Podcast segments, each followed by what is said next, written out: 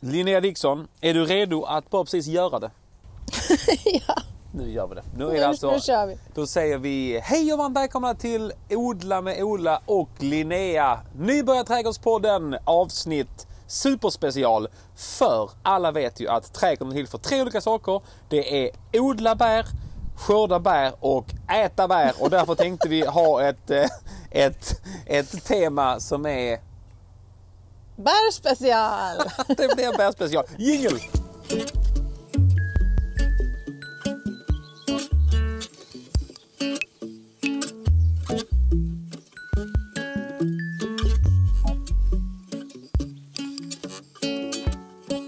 Okej, vi ska prata bär alltså. Men innan eh, vi gör det så måste vi bara ta senaste nytt från eh, United Kingdom. Vi pratar inte Brexit, vi pratar inte förberedelser inför eh, fotbolls-EM. Utan vi pratar naturligtvis den senaste trenden. Att man i pandemins spår har börjat odla i bilarna. Vad är detta? Du som har lite, lite amerikan, noll brittisk... Eh, har du någon som helst släkt eh, ner i England också? Alltså mina amerikanska delar av den amerikanska familjen har min syster lyckats lokalisera tillbaka till Irland. Precis. Så därför är du ju expert på varför engelsmännen odlar i bilarna just nu under Ja. pandemin. Vad är detta? Alltså jag vet inte. Ehm, det är väl för att man har ju, ja de som kanske inte har balkong eller en innergård eh, eller en liten trädgård. Så får man väl odla där man kan.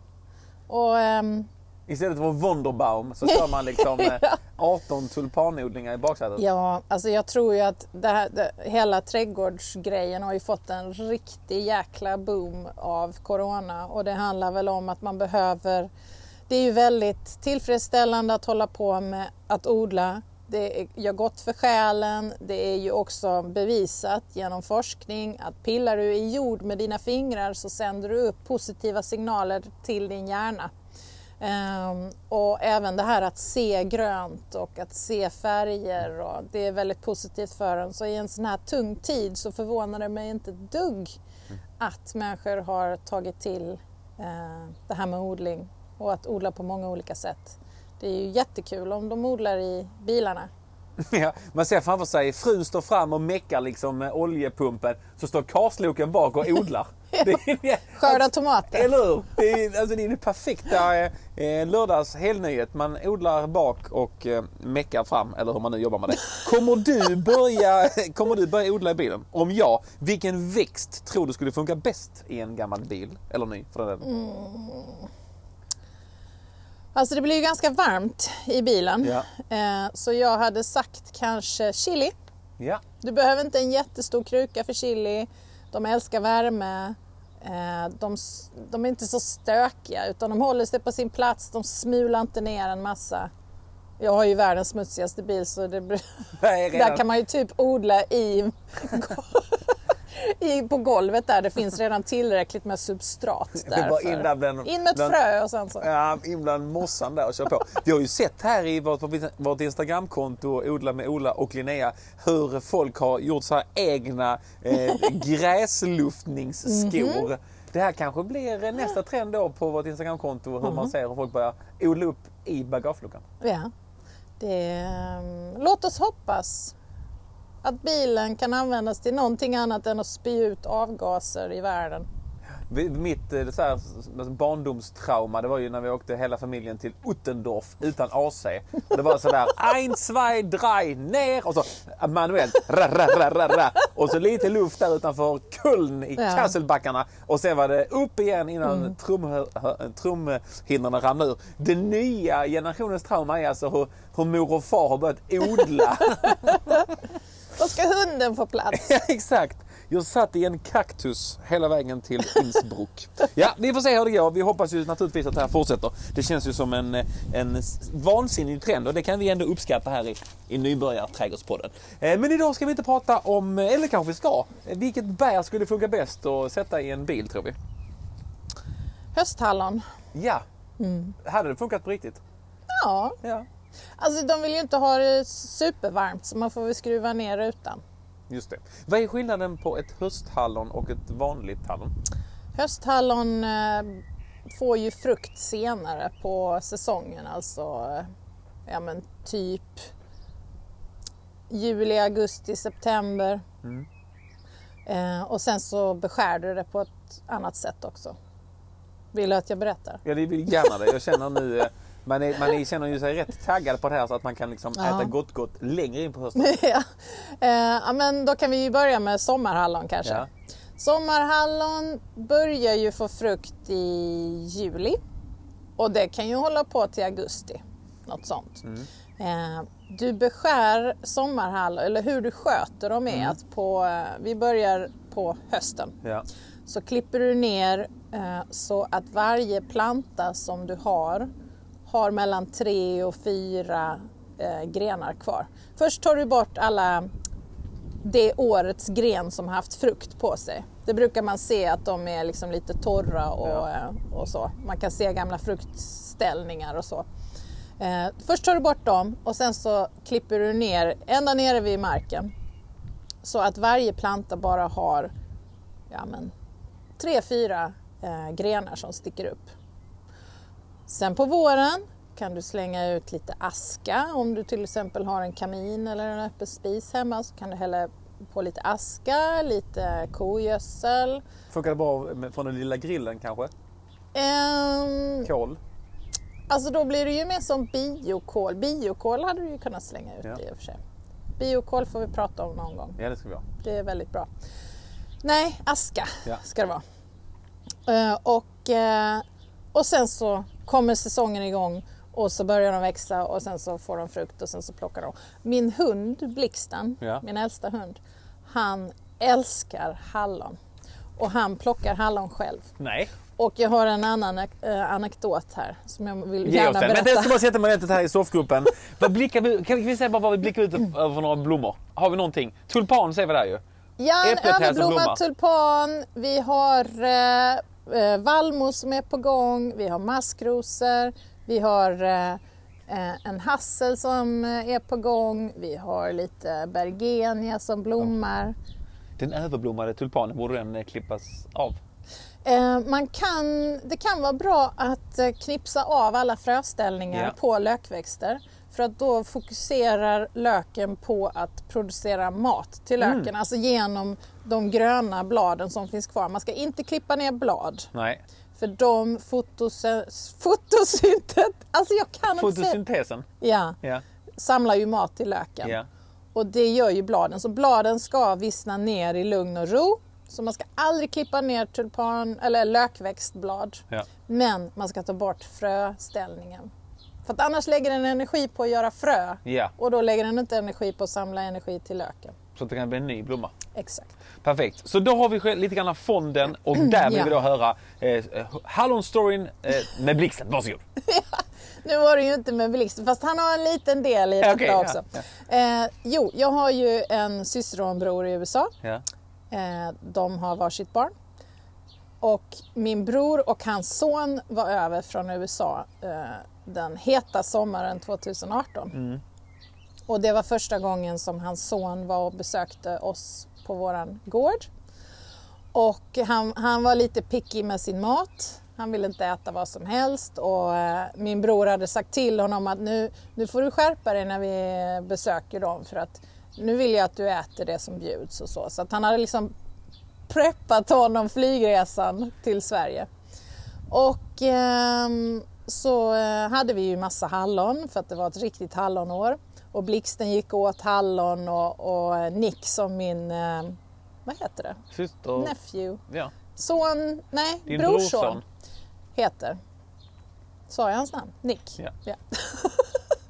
han, eh, han såg ju, han älskar ju Blixten. Så han tyckte det var så häftigt att Blixten gick åt hallon och eh, så sa jag, ja men ska du inte prova hallon? Oh no, no, I don't like raspberries. I don't, they, they don't taste good. Så sa jag, men okej, men eh, har du någonsin provat hallonen här? No, no, I haven't. Så sa jag, men ska du inte, du ser ju hur mycket Blixten Ja, älskar ja, ja. dem, ska du inte prova? Och den här pojken var 11 då när detta hände. Och emot allt liksom. Och så sa han, okej jag provar då. Och så tog han ett hallon Och så blev han, det var som att hans huvud sprängdes inuti av alla smaker. Han blev, hans ögon blev jättestora och han bara skrek ut att det var det godaste han någonsin hade ätit. Eh, och sen så stod ju han och Blixten resten av veckan och käkade hallon. På alla fyra, bara möla i sig. Ja, Ra, ra, ra. Men det var sån himla härlig känsla att se hur han har förmodligen ätit något jävla, ursäkta svordomen, Ja. Torrt hallon från någon but- butik i USA, Ja. något snabbodlat eller som bara smakar vatten. Ja. Och sen så kom han till vår trädgård och fick smaka det här Ett hallonet. sösdalahallon. Ja. Det är, det, men vad jag blev varm i kroppen. Men vilken, vilken sort ska man egentligen sikta in sig på om man vill ha en sån här Nick experience när liksom huvudet exploderar av godhet? Alltså det finns ju jättemycket olika sommarhallon och hösthallon. Vi, jag tror ju varför våra hallon är så goda. Jag tror att det är ett trädgårdshallon som har korsat sig med ett vildhallon. Okej. Eh, Så de smakar mer som, eller vildhallon, men skogshallon smakar. De har ju en väldigt intensiv Mm. Ja. smak men de Lite är så mindre, små. ja, precis, ja. Men mina är stora men smakar som ett skogshallon. Så eh, jag kan tyvärr inte säga vad det är för Nej. sorts. Men gå efter smaken tycker jag, inte storleken. För att eh, det är inget kul med såna här urvattnade, Nej. blaskiga hallon. Men i alla fall, nu vet ni hur ni odlar sommarhallon. Till hösthallon. Samma sak med gödslingen och, och så eh, på våren. Men på hösten, de blommar ju och, och får frukt mycket längre in på hösten. Eh, men sen så låter du bara alla pinnarna vara, alla stjälkarna. Och sen på våren så klipper du ner allihopa. Istället för som sommarhallonen där du ska spara, Spara lite, vissa ja. eftersom sommarhallon blommar på fjolårets eh, stjälk. Ja. Eh, Medan hösthallon blommar på årets. Så att då skjuter hösthallonet upp nya spröt och så får de frukter där. Så att det som är bra om man har en balkong till exempel. Det är ju att har man hösthallon i en hink så kan man ju bara ta fram den på våren, kutta ner alla eh, pinnarna och sen så kommer det upp nytt. Och sen kan man ju bara ställa undan den. Alltså den, ja. Jag brukar Inom- rekommendera In, höst- in med den eller ha kvar Nej, den på balkongen? De vill ju inte ha det varmt Nej. eller så, så att man bara ställer in den under någon eh, bänk eller någonting. Till vilken tur att vi har den här podden. Alltså man lär sig sjukt mycket. Det är jättebra. Vi gjorde em, eh, hallon förra året. blev Mm. inte någonting med det. det men hela plantan liksom bara så försvann ner i jorden. Mm. Det bara hej då och så sjönk det ner. Va, Vad gjorde vi för fel då? Ehm, jag tror, alltså det som är viktigt och det jag tycker är jobbigt med hallon det är att man måste hålla ordning så att eh, det inte konkurrerar med massa gräsmatta eller eh, ehm, ogräs. Sen är det ju också att hallon är ju lite av en thug. Okej. Den eh, sprider ju sig som tusan. Ja. Så att du måste, när du ska göra en ny hallonbädd, så plantera, gräv ner någon form av barriär Mm. runt om. Annars har du hallon överallt. Ehm, så, Förvildas den också alltså successivt? För det kommer jag ihåg när vi, alltså Björnberg, vi hade en sån himla Mm. Ja. snäll och mjuk och fin eh, i radhusidyllen i Ramlösa Ja. på framsidan i, i Söderläge. ja. Jättemysigt. Mm. Inte lika mysigt ett par år senare. Det var bara taggar överallt. ja ehm, det kan ju vara att, nu vet inte jag hur björnbär funkar exakt, men många växter som vi har pratat Ja. om, om man eh, okulerar dem eller ympar dem. Så kan det ju vara att eh, den rot, alltså grundstammen har skjutit skott och att den Ah. har taggar. Så man liksom fuskat i en snällare Ja, variant ja. uppe på Så och sen så håller vara. man inte ordning på, Ja. På botten så blir det haveri. Nej men alltså hallon kan absolut sprida sig. Det är ju ofta man ser eh, trädgårdshallon ute i skogen. Ja. Alltså som har kommit från gamla, om det har legat ett litet torp där som inte finns längre och sen så finns hallonen där. Mm. Så att, eh, det kan man absolut titta. Så har vi det. Kan man odla eh, och sätta de här hallon nu eh, i början av juni eller är det bara hösten? Nej, det går jättebra Ja. att sätta nu. Men som sagt, allting man plan- planterar nu från maj till september, alltså det, då måste man verkligen hålla koll på vattningen. Ja. I och med att vi går in i de torra månaderna nu, förhoppningsvis. så inte hela sommaren vi, regnar vi håller bort. tummarna för det. Ja. Superjinxen där. Ja, men eh, så att det går visst bra att plantera under sommaren men då, då gäller det ju att du är där och inte åker till Biarritz i fyra veckor och sen Ja. Ja, det är ju alltså det är det som, det är ganska bra sommar i år för nu blir det ju hemma i år igen. Så det är ett bra eh, läge att lyssna på Odla Mola Linnea och bara liksom kasta sig in i odlingarnas underbara värld. Är det någonting mer vi vill prata om hallon eller är vi nöjda där? Blåser man fortfarande hallon när man äter dem? För att få bort den här lilla masken? Eller är det 80-talsgrej? Jag har aldrig gjort så. Har du inte gjort det? Nej. Oh, det, hade, det gjorde vi alltid i farmor och farfars trädgård. att Man skulle Ja. blåsa två gånger, annars fick man inte äta dem. Jaha. För det kunde finnas mask. ja. I don't know. Det fanns Sen att man kände Ja. att det var en mask i är nog ganska liten. Rent smakmässigt. Det är ju protein. Men, ja, precis. Eh, smultronbusken då? Ska vi gå Ja. över till den? Ja, eh, är det en invasiv art eller? eh, det är ju, den finns ju naturligt Ja. i Sverige. Men jag skulle ju säga att det är en planta mer än en buske. Ah, Okej. Men eh, den sprider ju sig med revor. Är det- Alltså den skickar ut som en liten som ett litet lasso med en babyplanta på. Jordgubbar gör ju också det. Så eh, jordgubbar sprider sig inte lika mycket som smultron men smultron är verkligen en, en spri, den sprider sig så det måste man hålla koll på om man inte vill ha smultron överallt. Sen tror jag småfåglar också kan sprida den Ja. med, när de äter frö, ähm, bären. Men eh, den hade jag satt på ett ställe där du antingen kan låta den få växa hej vilt. Som vi har ju en smultronmatta hemma där vi har ställt ut utemöbler och så. Det är väldigt fint att gå på. Ehm, Men Har ni eh, ute i smultronen? ja, Okej. precis. Så man går eh, runt i smultronbuskarna? Ja. All right. Ja. Det blir ju en väldigt grön och fin matta Ja. och, och den kan ju faktiskt täcka markdukar och allt sånt där om Okej. du inte vill att det syns. Men det är som sagt svårt att bli av med den för att ehm, Vem vill bli av med smultron? precis, den kan ju ta över. ja. Men jordgubbar, där kan man ju göra så om man vill ha bra... Jordgubbar presterar ju bäst tredje året. Eh, Så om man planterar jordgubbar så kanske det kommer några gubbar eh, de två första åren. Men så tredje året är liksom... Tredje smäller. Då är det, ja. Och sen måste man med jordgubbar, de skjuter ju också ut sådana här revor med babyplantor. Det är viktigt på hösten är att man klipper av de här revorna för att annars tar ju babyplantan energi från den stora plantan och då får du färre jordgubbar. Det du också kan göra Där hörde vi eh, Malin skrek bromsa och sen hörde vi en smäll. Vi ska titta lite grann här. Nej, Oj. det verkar okej. Det verkar okej. Det är ett litet skrik här. Vi kanske ska avbryta sändningen medan Sixten slickar såren.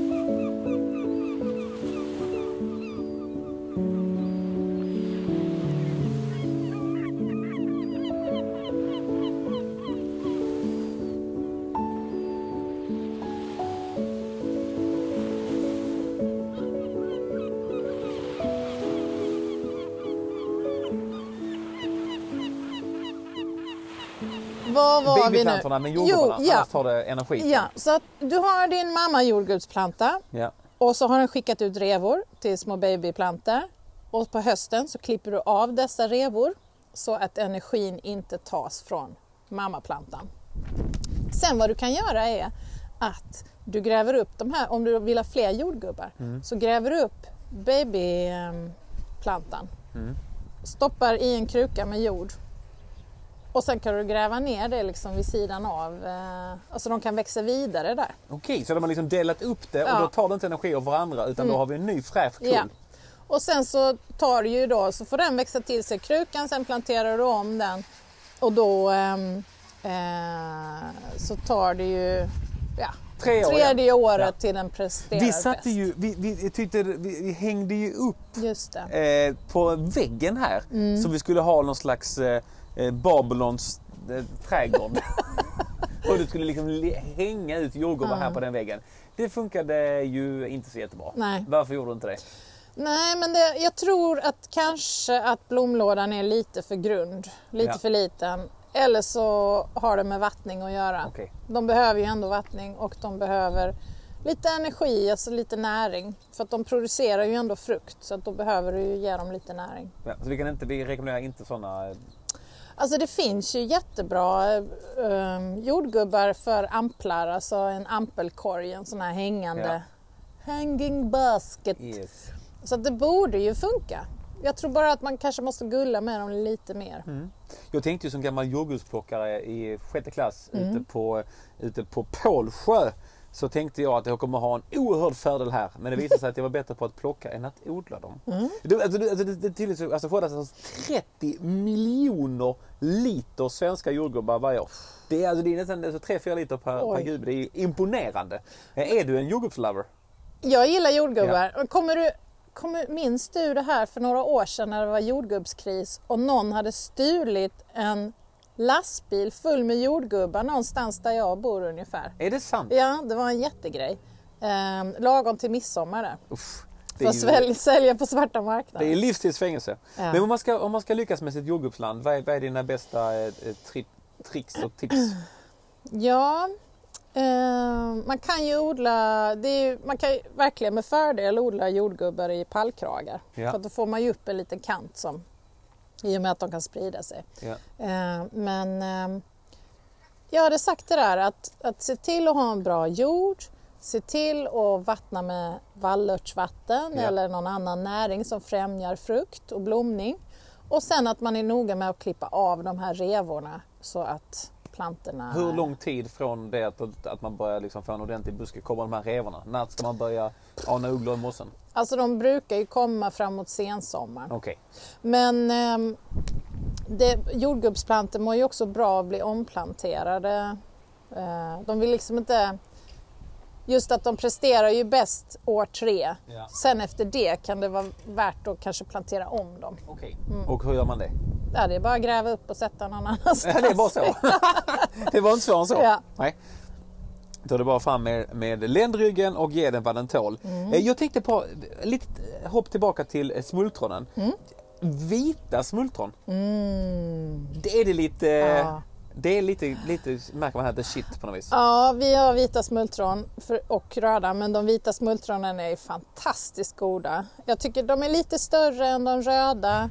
Eh, vad som är bra är ju att fåglarna uppfattar inte dem, så då får du ha dem för sig själv. För att fåglarna går efter röda bär oftast och eh, tar de röda smultronen medan de vita får du ha själv. Det är fantastiskt. Eh, och jag har också hört att allergiker kan äta dem. Aha. Att det är mindre allergitrubbel Ja. med dem. Hej hej Sixten! Gick det bra med Hej, cykelolyckan? Och Ja. vilken tur! Eh, är det någon skillnad på att odla fram vita smultron eller röda? Nej, Nej. det är det inte. Exakt samma. Finns det någon som helst anledning undrar man nu att odla de röda? Ja, men vem älskar inte ett eh, grässtrå med tio röda smultron på? Va? Åh, det, är väl ändå svensk sommar? Bättre än så blir det inte. Då har vi betat av eh, smultron, hallon och jordgubbar, alltså Big Three. Och sen så bara tangerade vi lite här med björnbären, hur de liksom förvildades. Är, det någonting, är det något annat man ska göra med björnbär? Det är lite mer av en klättrande variant, eh, tänker jag, eller? Ja, den behöver ju någonting att klättra på. Ja. Det kan vara en gammal död buske eller ett dött träd eller ett plank eller armeringsnät. eh, Ja. Men någonting att klättra på. Det brukar de sköta ganska bra själva. Vilken, eh, vilket bär ger mest, eh, mest för smaklöken kontra eh, investerad tid? Om man, liksom ska, om man känner att tiden är inte ens bästa vän, vilket ska man sat- satsa på då? Vilket är mest lättskött? Björnbäret hade jag sagt. Ja. Ja. Trivs det så blir det en stor planta som producerar jättemycket bär. Och, alltså jag har ju alltid varit en hallonsylt-lover. Vem har Men- inte? Men alltså jag måste nästan säga att eh, sen jag började göra björnbärssylt med lite, lite vanilj i, i sylten, alltså vaniljpulver Mm. eller vaniljstav om man vill vara fancy, så är nog, det har faktiskt slagit hallonsylten för mig. Så den, den är en tydlig eh, etta. Vilken är dina topp tre favoritbär? Björnbär etta, lite av en... Ja, eh, hallon, björnbär och eh, alltså ha, havtornsbär odlar vi också. Just det! Den Mm. är ju offensiv. Det är ju extremt mycket vitamin C i ett havtornsbär. Det är ju inte jättegott, Nej. men det är sådär du vet som när man var liten och åt såna här harsyra och sånt i skogen. Just det. Alltså det är så surt så det blir ändå gott på något sätt. Så är havtorn. Så jag brukar stå på sommaren och stoppa i mig några sådana och bara åh, hela ansiktet bara vrids åt. Det är när, gjort, när, du inte, när du har liksom besviken på dig själv. Det bara på pin så klipper du 12 till 15 eh, havtornsbär. Och så tänker jag, åh vad jag är nyttig nu. Ja, åh, ja, precis. Nu kan jag unna mig en liten chokladkaka här efteråt. Eh, men eh, hur ska man göra om man vill odla havtorn då? Och då ska man vara eh, beredd på att man kommer ha den i hela trädgården. Okej. Jag vet inte, ofta i kustnära lägen kan man ju se stora buskage. Ja. Stora partier. Stora partier av havtorn. Det du behöver tänka på är att ha en, om du vill ha frukt, är att ha en honplanta och en hanplanta. På en hanplanta går det åtta tjejer. Okej. Så att du behöver bara köpa en kille om du vill, och, och ett gäng tjejer, det klarar du dig på. Så du behöver inte köpa massa killplantor. Mm, men det behöver man, annars får du ingen frukt. Kan man se enkelt om det är en han eller honbuske? Ja. ehm, nu blir jag förvirrad där men det brukar, om man är ute och köper dem så ser man ju det tydligt. Men han, nu ska vi se här, jag tror det är hanplantan som har liksom som små bruna små knoppar på grenarna. Okej. Medan honplantan inte har det. Om man nu, nu har vi tankat om att alla de här sprider sig eh, som ohyra i trädgården. Om man sätter smultron, havtorn, hallon och blåbär och jordgubbar. Vilken, vilken av de här fem hade tagit över trädgården först? Vilken är värst? Smultron, tror jag. Alltså havtorn, jag använder havtorn lite som, vi har ju ganska kallt hos oss i Ja. vårat köldhål. Så att jag använder det som, för det är ju en buske, men jag stammar upp det så ser det lite ut som en olivträd. Åh, Och det tål ju att bo utomhus hela tiden. Så att ehm, jag använder det som dekoration samtidigt som jag får bär ifrån det. Eh, och så får man ju bara hålla koll på rotskotten helt enkelt. Så att om man sätter ett havtorn, alltså alla de här är ju bra att sätta i anslutning till en gräsmatta för då kan du klippa av rött, eller skotten när de kommer med din gräsklippare. Så smart. det är ju ett knep. Ska vi prata om något mer eh, bär? Annars har vi en, en, en fråga som verkligen tangerar detta. Okej. Har vi Ja, något men- bär till som vi känner till? Ja, ett bär- blåbäret. Just det, blåbäret ja. Det finns ju amerikansk blåbär eh, som är stora och de har ju vitt kött. Ja. Till skillnad från våra svenska som man hittar i skogen som har lila kött. De amerikanska har ju inte riktigt lika mycket antioxidanter och så som de eh, svenska. Men det är också ett bär, men jag tror man behöver ganska mycket plantor för att få bär. Men det är absolut någonting som är värt att odla för det är ju väldigt gott. Det man ska tänka på är att blåbär vill ha surjord och då får man ju anpassa växtbädden åt, åt det hållet. Vad, vad lägger man i då för att få det surt? Då kan man lägga i eh, spån från eh, gran, alltså sånt som man lägger ut hos höns och sådär. Man kan bygga upp bädden av torvblock och sen fylla på då med surjord. Eh, det kan man ju köpa på påse som man köper till rhododendron och sådär. Men jag skulle också vilja slå ett slag för blåbärstry Oj! som inte behöver någon speciell jord. Eh, som är en liten buske som får liksom lite avlånga blåa bär. Också lite sådär dimmiga som blåbär kan bli. Eh, det, har, det satte vi för första gången i höstas. Så i år ska, är jag väldigt spänd på att se om det blir några bär. De ska vara supernyttiga. Okej, är de lika söta eller är det mer... Man brukar, oftast brukar det nyttigt vara lika med inte fullt så gott. Nej precis, de kanske kan vara lite sura. Jag vet att jag får rapportera. Rapport kommer för dig som troget följer podden. Eh, Det kommer också bli en Instagram-film när eh, Linnea smakar av. Eh, det blir tungt för dig klart att då liksom förneka ditt amerikanska ursprung och liksom välja detta blåbär före det amerikanska blåbäret. Men du kommer väl vara eh, sanningsenlig hoppas vi. Ja, jag försöker i alla fall. Såklart.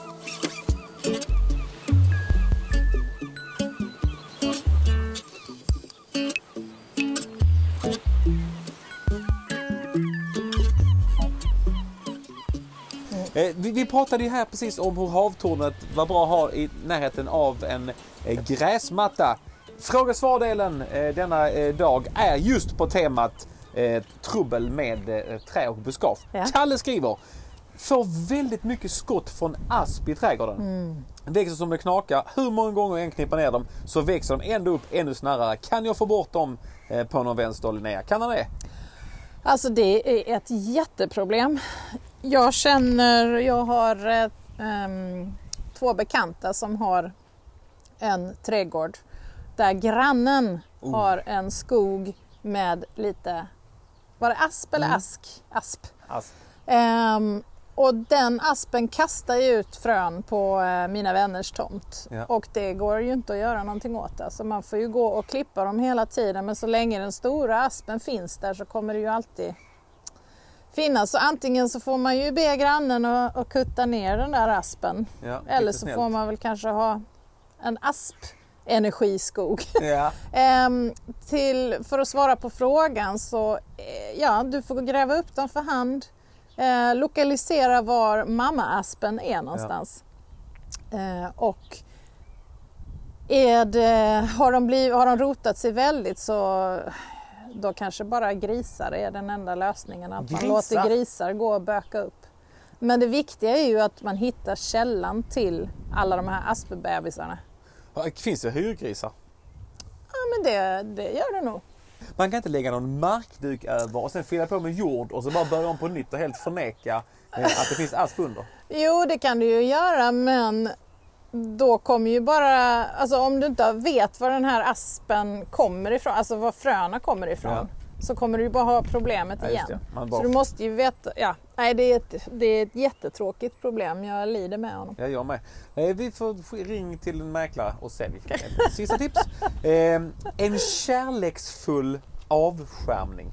Vi har fått in en mm. fråga här. Eh, jag vill, eh, jag vill inte manifestera ett insynsskydd utan det här är alltså att bo i ett häckfritt kvarter Eh, och man vill inte då, det är härligt att man inte vill manifestera ett insynsskydd utan alltså på något sätt ett smyg-insynsskydd och är själv inne på en syren, att det skulle kunna vara en någon slags eh, röksignal, alltså någon slags fredspipa mot grannen. Men finns det något annat sätt att eh, på något sätt sätta upp ett insynsskydd utan att grannen fattar?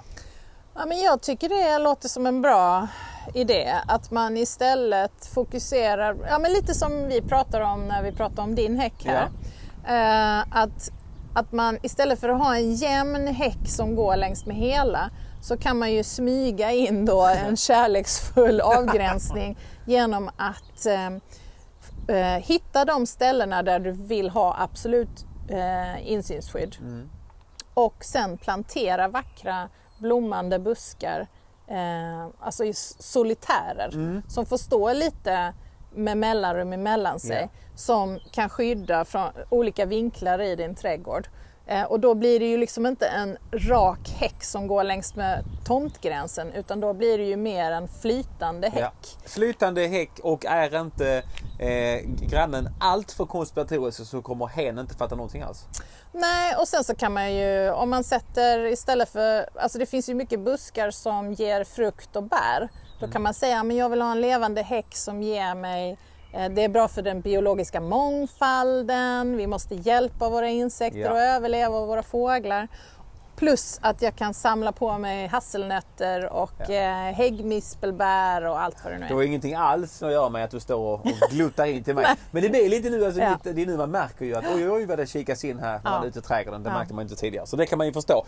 Eh, Lina skriver, jag är orolig för att humlorna ska hinna med alla blåbärsbuskarna mm -hmm. i trädgården. Finns det något sätt att logga till sig fler humlor? Eh, hur gör man eh, sin egen trädgård till kvarterets eh, hummelfäste? Ja, vi har ju nämnt lite tidigare att man väljer eh, alltså både träd och buskar lockar till sig insekter. Men även sommarblommor och att man låter gräset växa upp på vissa partier så att man får eh, ett blommande gräs till exempel, mm. gräsmattan. Så att det finns det finns ju olika fröblandningar som man kan eh, slänga ut i en rabatt så att du får många av de här blommorna som humlor och insekter vill ha. Så det kan du kolla lite på, mm. på plantskolor och så. Eh, oftast så finns det någon liten humlesymbol på påsarna. Men annars så om du är rädd att, du inte ska, att blåbären inte ska hinnas med så kan du ju också gå och pollinera dem själv. Aha. Ja. Hur gör man det då? Just med blåbär är jag osäker mm. men eh, vanligtvis så ska man ju kunna, man kan ju pensla blommorna med en liten pensel så att man liksom duttar in penseln i en blomma och sen går man till nästa blomma och så går man till nästa blomma. Blir insekterna förbannade på när man går och, och pollinerar bredvid eller känner de bara åh vad skönt att få hjälp på traven här? Nej, jag tror inte de tänker så mycket på det. Nej, Också tänk på det här vi pratar om, ställ fram en skål med vatten. Det är Med bra. stenar i så att de inte drunknar. Perfekt. Den som just börjat lyssna här på, på podden och kanske i detta nu håller på att riva upp eh, eh, trätrallen eh, för att sätta tänderna i ett rejält eh, odlingsrace så här i början av juni. Eh, Finns det någonting man kan plantera nu? Ja, du kan plantera hur mycket som helst. Men då får du hålla koll på vattningen. Ja. Så att du kan sätta eh, egentligen vad du vill. Varför jag brukar säga att man ska plantera helst på hösten, det är ju för att då har vi mer nederbörd. Växterna går in i, i dvala, de ska sova över vintern så de behöver inte lika mycket energi och, och vatten och så.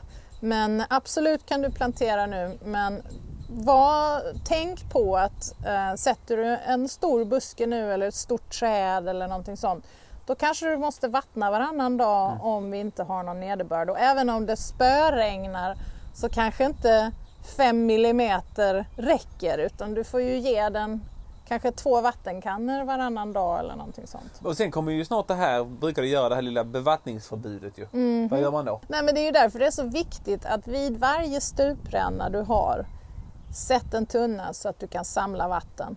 Samla, samla så mycket regnvatten du bara kan. För att får vi för- bevattningsförbud så är det ju inte bara gräsmattan som kommer bli gul. Nej. Då är allt jobbet Ja. förgäves. Och sen så kan man ju jobba med jordförbättring. Alltså har man en bra jord där det är mycket organiskt material så håller ju fukten längre. Och hur får man det? Genom att blanda i kompost, genom att blanda i eh, lövmulch, alltså förmultnade löv. Ehm, ja, jobba med den på det viset. Man kan också jobba med täckning då, så att man klipper man gräsmattan i en uppsamlare, lägg ut det runt rötterna kring eh, träd och buskar, dina grönsaker, så håller ju fukten, alltså då stänger man liksom inne fukten i jorden. Men då kan man ju också få mörda sniglarna på besök. Så Au, när vi nu skulle ha sånt lyckligt slut på det här Ja, avsnittet jag så kom det där med mördarsnigeln Ja. ändå. Eh, Men då har vi alltid en låneanka som man kan Ja. möjligtvis muta sig till. Är det någonting mer man ska tänka på så här i början av juni?